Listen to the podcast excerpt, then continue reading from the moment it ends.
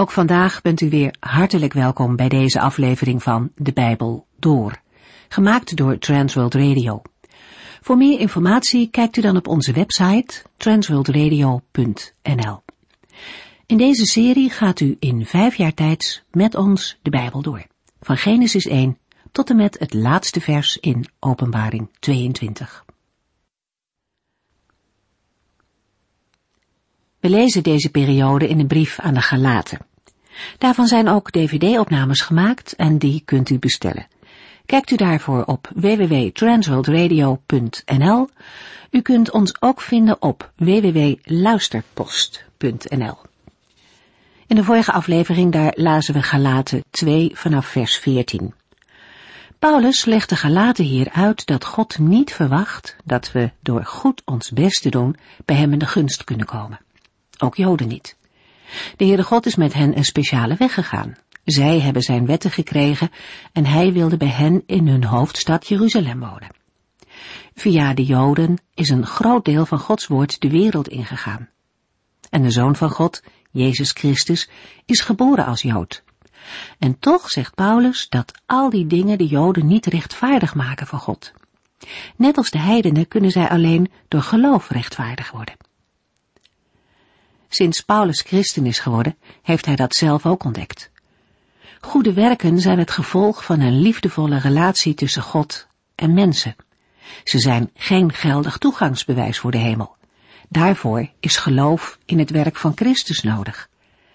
Dat toegangsbewijs is voor iedereen vrij beschikbaar, zowel voor de Joden als voor de andere volken. Het is alleen wel nodig om dit bewijs aan te nemen. Paulus leert dat de relatie ten opzichte van de wet nu anders is. Ik ben nu gestorven voor de wet om voor de Here te leven. En wie probeert om de wet opnieuw in werking te stellen, die maakt dus een verkeerde keuze. En dat is zonde, zegt Paulus. De wet zegt dat wie zich niet volledig aan de geboden houdt, vervloekt is. Maar Christus heeft die vloek aan het kruis overgenomen en ons daarvan vrijgemaakt. Daarom moet een christen zich niet opnieuw onder de wet stellen, die alleen maar aantoont dat een mens geen recht heeft om bij God te komen. Dat is nu immers voorbij. Voortaan staat Christus centraal in het leven van een gelovige. En weet u, dat is pas vrijheid en leven.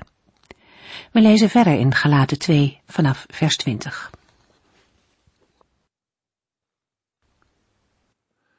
In de vorige uitzending hebben we gelezen dat apostel Paulus in heel persoonlijke woorden wijst op de liefde van Christus in zijn zelfovergave voor Paulus zelf.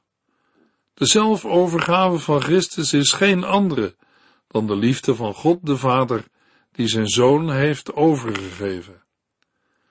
De uitleg van Paulus aan de gelaten kan de vraag oproepen: zou Christus dan in dienst staan van de wetteloosheid? Het antwoord van de apostel is: beslist niet. De rechtvaardiging in Christus heeft niet alleen de oude mens gedood, maar juist ook de nieuwe mens geschapen, zodat Christus in ons gestalte kan krijgen. In Gelaten 2 vers 19 en 20 schrijft Paulus, Door die wet zelf leef ik nu niet meer voor de wet, maar voor God. Ik ben samen met Christus aan het kruis gestorven. Daarom leef ik zelf niet meer, maar Christus leeft in mij. Zolang ik nog in dit lichaam ben, leef ik door het geloof in de Zoon van God. Hij hield zoveel van mij, dat hij zijn leven voor mij heeft gegeven. Afsluitend geeft Paulus nogmaals de reden aan waarom hij zich zo krachtig te weer heeft gesteld tegenover het gedrag van Petrus en tegen degene die de gelaten tot wettische gebruiken willen brengen. Het evangelie staat of valt met het handhaven van het genadekarakter van het heil. De kracht van de genade van de Heere is 100% voldoende voor ons leven. Of er kan geen sprake zijn van genade. Het heil wordt ons gratis aangeboden. En als het ook maar iets kost om het te ontvangen, is het niet gratis meer. Dan is er sprake van een ander evangelie. En dat is geen evangelie. Als een mens het zelf door de wet tot rechtvaardiging voor God had kunnen brengen, had Christus de vloek van de wet niet hoeven te dragen. Dan is hij in feite ook voor niets te vergeefs gestorven. Gelaten 2 vers 21 Wat God in zijn genade heeft gedaan, wil ik niet onderschatten. Want als wij het met God in orde konden maken door de Joodse wet te houden, zou Christus voor niets gestorven zijn. De gedachte in vers 21 is eenvoudig. Als er andere manieren waren geweest om zondaars te redden, dan had de Heere die manier gebruikt. Maar de enige manier waarop de eeuwige en almachtige God u, jou en mij kon redden, was door zijn zoon te sturen om voor ons te sterven. Hij was bereid om het hoogste offer voor ons mensen te brengen. Paulus gaat in Galaten 3 terug naar de ervaring van de Galaten. Hoe werden zij gered?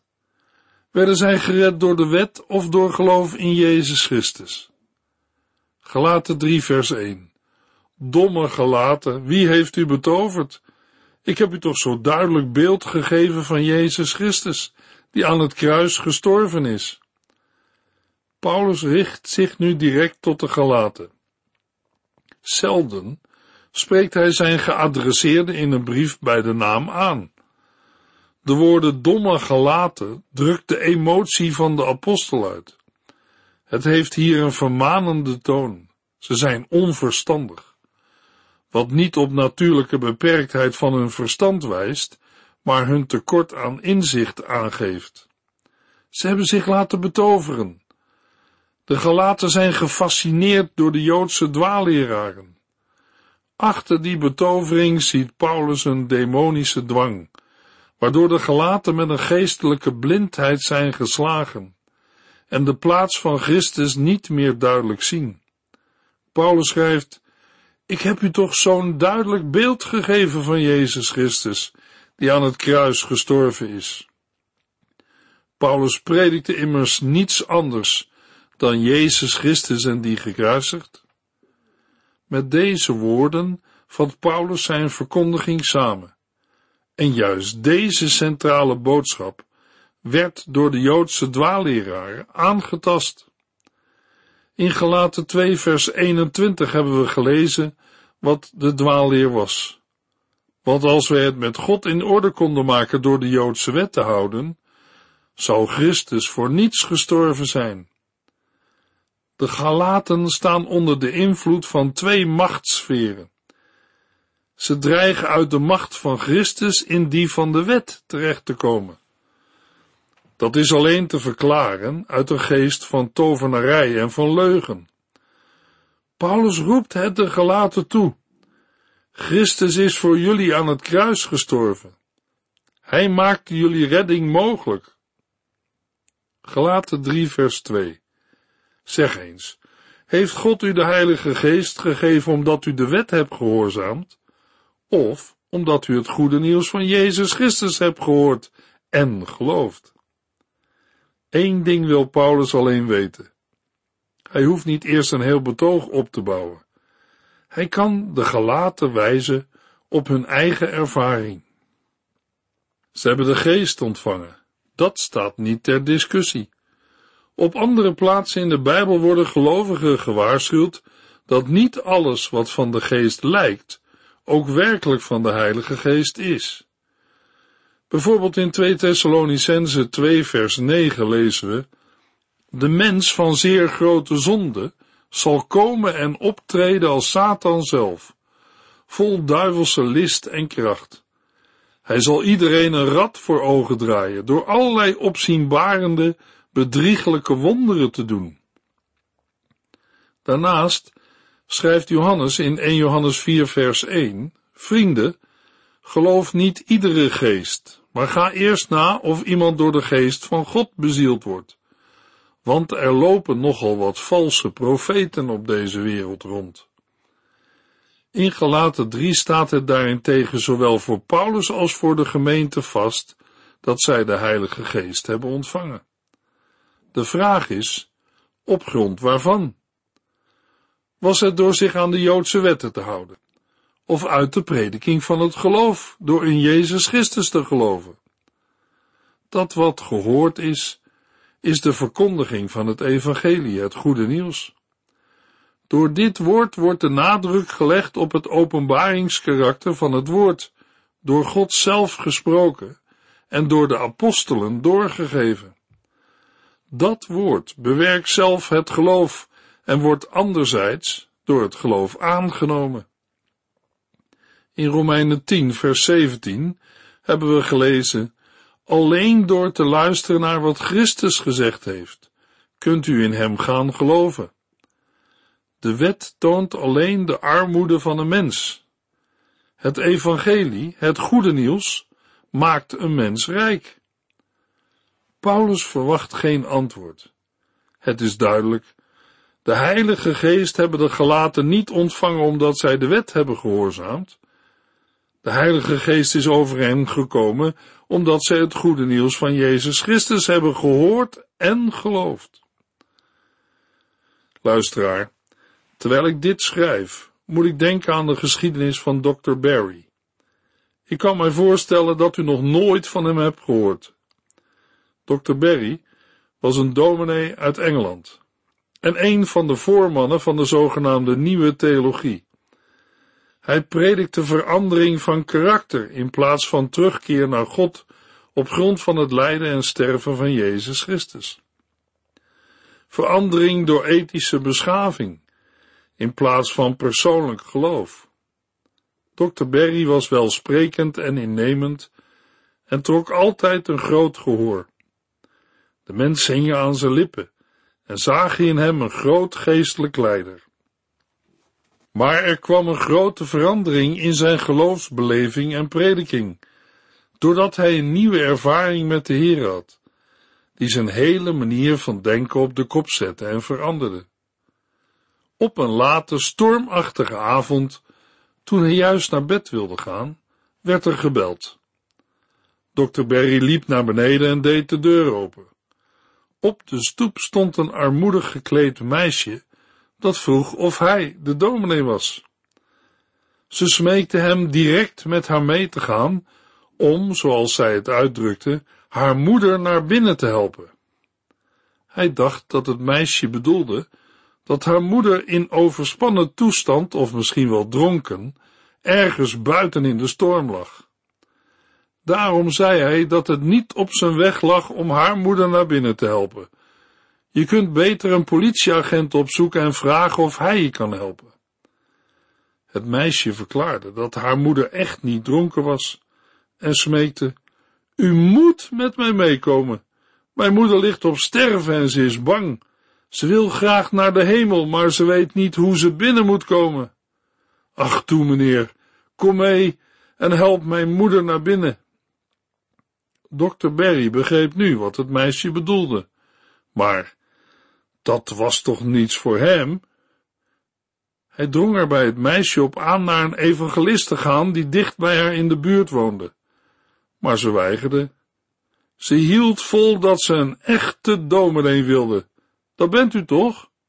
Ja, dat was hij. Komt u toch mee? Ik wil graag dat u mijn moeder naar binnen helpt voor het te laat is. Alsjeblieft, meneer. Ten slotte stemde dokter Berry in. Het meisje wees hem de weg naar een van de armste buurten van de stad. Eigenlijk kwam hij hier liever niet. Maar in deze akelige omgeving stond een oude kazerne, en daar nam het meisje hem mee naartoe. Langs een paar vieze trappen bereikten ze de armoedige kamer waar de moeder met haar dochter woonde. Beneden waren mannen en vrouwen aan het drinken en klonk allerlei lawaai, getier en gevloek. De vrouw lag op een miserabel bed en het was te zien dat ze niet lang meer zou leven. Ik heb hem meegebracht, riep de dochter uit. Ik heb de dominee gehaald van die grote kerk waar al die mensen heen gaan. Hij zal u naar binnen helpen, moeder.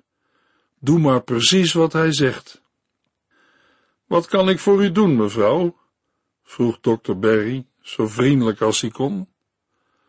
Meneer, ik ga sterven. Ik wil graag dat u mij de hemel binnen helpt. Ik ben een grote zondares geweest. Ik heb veel dingen verkeerd gedaan.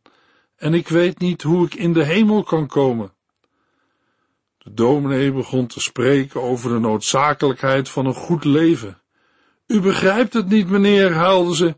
Ik ga sterven en ik heb een slecht leven geleid. Het is te laat voor mij. O, kunt u mij niet naar binnen helpen? Weer probeerde dokter Berry wat goede raad te geven en zei dat alles wel goed zou komen als ze een ander leven leiden. Dat helpt niet, riep ze uit. Ik ben een arme zondaar. Ik heb geen tijd meer om een christelijk leven te leiden. Ik lig op sterven en wil graag de hemel in. Kunt u mij zeggen hoe ik in de hemel kan komen? Dokter Berry wist niet wat hij moest zeggen. Hoe moest hij haar troosten? Ten slotte dacht hij, waarom zou ik haar niet vertellen wat mijn moeder mij vroeger altijd vertelde? Waarom zou ik niet enkele eenvoudige teksten uit de Bijbel opzeggen en de geschiedenis van het kruis vertellen, zoals ik die als kind van mijn moeder hoorde? Zo gedacht, zo gedaan. Hij noemde enkele teksten uit de Bijbel die spreken van Gods liefde voor zondaars en van Jezus Christus, de heiland, die stierf om te redden en zalig te maken. De stervende vrouw luisterde intens en zei, dat is het. Dat kan ook mij de hemel inbrengen. Is hij gestorven voor zondaars, dan kan zijn werk mij in de hemel brengen. Met verbazing keek dokter Berry de vrouw aan. Ontroerd tot in het diepst van zijn ziel vertelde hij haar de geschiedenis van het kruis. Zo had hij het in jaren niet meer gepredikt. De vrouw dronk als een dorstige het levend water van het evangelie in. Ten slotte knielde dokter Berry voor haar bed neer en bad met haar. Zij nam de Heer Jezus Christus aan als haar persoonlijke heiland en verlosser. Haar angst was verdwenen. Zij wist zich in leven en sterven het eigendom van Christus. In volle vrede is ze heen gegaan. Later schrijft dokter Berry, ik hielp haar die avond om binnen te komen, en terwijl ik haar naar binnen mocht helpen, kwam ik zelf ook binnen. Gelaten 3, vers 2. Zeg eens, heeft God u de Heilige Geest gegeven omdat u de wet hebt gehoorzaamd, of omdat u het goede nieuws van Jezus Christus hebt gehoord en geloofd? Luisteraar, stel dat de apostel Paulus ons vandaag die vraag zou stellen. Wat is dan uw antwoord? Bent u, ben jij al door Jezus Christus binnengebracht? Gelaten 3 vers 3 Bent u nu zo dom? U bent christen geworden door het werk van de Heilige Geest. Moet u nu met de wet eindigen? Paulus vraagt door naar de verdere levenswijze van de gelovigen, nadat ze tot geloof gekomen zijn, om de gelaten hun dwaasheid nog scherper onder ogen te brengen. Ze zijn met de Heilige Geest begonnen. Ze lieten zich leiden door de Geest, leefden in de Geest. De Heilige Geest was degene in wie en door wie hun eerste christen zijn gestalte kreeg. Moet u nu met de wet eindigen? De vraag staat in de grondtekst in de tegenwoordige tijd. Het geeft aan dat ze nog onderweg zijn. Hun leven moet nog tot het einddoel komen. Mogelijk werd dit woord gebruikt door de tegenstanders met hun stelling dat je pas een volledig voltooid christen was als een gelovige zich aan de wet van Mozes onderwierp. Maar Paulus zegt, de wet is geen aanvulling om een volledig en voltooid christen te zijn. De wet is een totaal andere weg. Het is Christus of de wet, en niet Christus en de wet. Door weer onder de wet te gaan leven, zet een gelovige zijn of haar leven buiten Christus, op een weg waarop we denken zelf ons heil te kunnen bewerken maar die weg loopt dood. Paulus stelt, het gaat in deze kwestie niet om een accentverschil, wat meer of wat minder nadruk op de levenspraktijk. Nee, het is het een of het ander, de geest of het vlees. En die keuze is een keuze tussen leven en dood. Romeinen 8, vers 13 en 14. Als u zich door uw eigen zin laat leiden, zult u sterven. Maar als u zich laat leiden door de Heilige Geest en uw eigen zin prijsgeeft, zult u leven. Want alle die door de Geest van God geleid worden, zijn kinderen van God. Gelaten 3 vers 4 Is alles wat u hebt meegemaakt dan voor niets geweest? Was dat maar zo? De uitdrukking wat u hebt meegemaakt wordt in sommige Bijbelvertalingen weergegeven met de negatieve betekenis van lijden. Wij kiezen voor een neutrale betekenis in de zin van ervaren of ondervinden. Vandaar de vertaling, is alles wat u hebt meegemaakt dan voor niets geweest? Dat de gelaten vervolging hebben moeten doorstaan, blijkt verder niet uit deze brief. Toch kan het best zo zijn dat Paulus de gemeente wijst op negatieve ervaringen die ze ter wille van het evangelie heeft moeten ondergaan. Paulus wijst in ieder geval, als voortzetting van het vorige vers, op het geestelijk leven van de gemeente en vraagt zich af, was dit alles dan voor niets geweest, zonder nut en zonder succes? Later, in Galaten 4 vers 11, uit de apostel dezelfde gedachte. Hij maakt zich zorgen om de gemeente van Galatië. In zijn woorden klinkt verdriet en vermaning door. Gezien de serieuze vraag, ook in Gelaten 4 vers 11, moeten we vers 4 lezen als een hernieuwde aanscherping van de vermaning van Paulus. Was dat maar zo?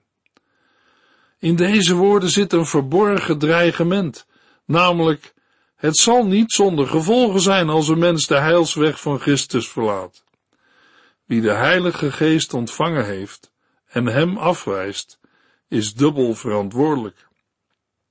De woorden van de Heer Jezus uit Matthäus 11 vers 21 zetten ons op dat spoor. Gorazin, Bethsaida, wat ziet het er voor u slecht uit?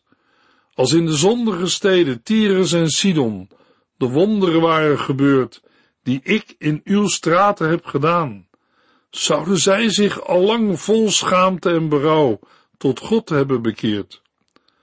Voor Tyrus en Sidon zal het op de dag van het grote oordeel minder erg zijn dan voor u. Ook in Lucas 12, vers 47 lezen we gelijksoortige woorden over de trouwe en ontrouwe rentmeester. Jezus zegt over de ontrouwe rentmeester of dienaar, hij zal zwaar gestraft worden, want hij wist wat hij moest doen, maar heeft het niet gedaan.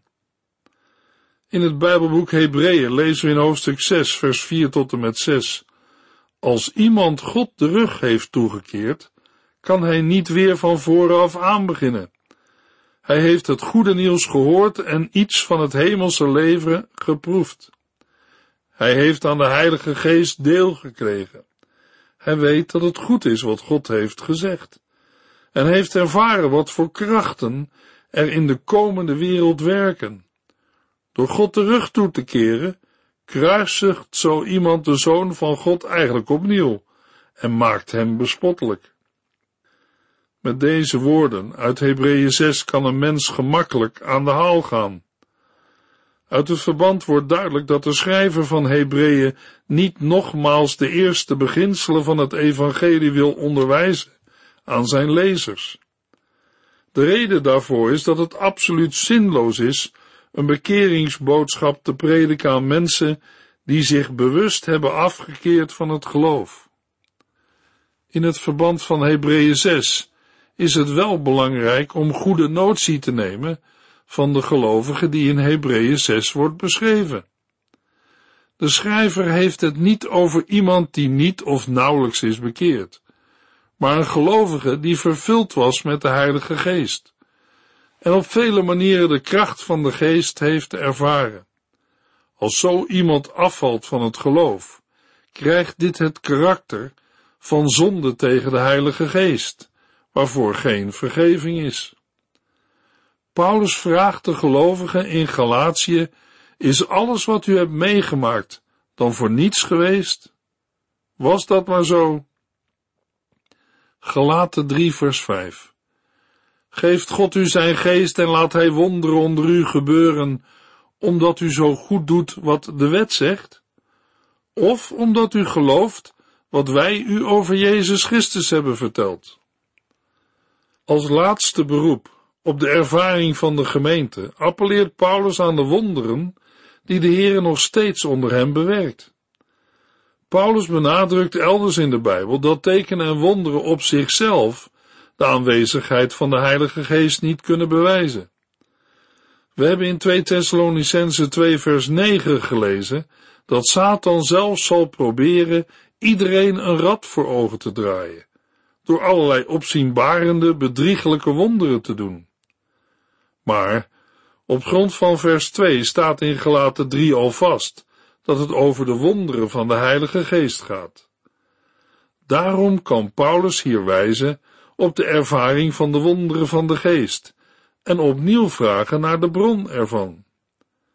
Met deze wonderen worden hier alle werkingen van de Heilige Geest in de gemeente samengevat, zoals we die ook tegenkomen in 1 Corinthiërs 12. De Heilige Geest, zo weet de gemeente uit ervaring, is niet een vrucht van onze daden, maar een genadegave van God, die alleen in het geloof ontvangen kan worden. Dit geloof is er alleen uit het gehoor, omdat God gesproken heeft en nog steeds spreekt door de verkondiging van het evangelie. Zo worden Gods woord en het werk van de Heilige Geest heel nauw met elkaar verbonden. Na uit de ervaring van de gemeente te hebben aangetoond dat het heil van God alleen uit genade geschonken wordt, beroept Paulus zich nu op het woord van God. Voor de gelaten, zowel als voor Paulus, de hoogste gezagsinstantie. Hij citeert Genesis 15 vers 6 uit de Griekse vertaling van het Oude Testament. Maar daarover meer in de volgende uitzending. Dan lezen we verder in Gelaten 3. U heeft geluisterd naar De Bijbel Door, in het Nederlands vertaald en bewerkt door Transworld Radio. Een programma waarin we in vijf jaar tijd de hele Bijbel doorgaan. Als u wilt reageren op deze uitzending of u heeft vragen, dan kunt u contact met ons opnemen. Tijdens kantooruren kunt u bellen op 0342 47 8432 0342 47 8432. Ook kunt u een e-mail sturen naar de transworldradio.nl en natuurlijk kunt u ook via de post ons bereiken. TWR, postbus 371, postcode 3770, AJ in Barneveld. Dit programma werd gepresenteerd door Cor Weda en Ike André. Techniek was in handen van Odin van Voerkom. En wij allemaal bedanken u voor het luisteren. Graag tot de volgende keer.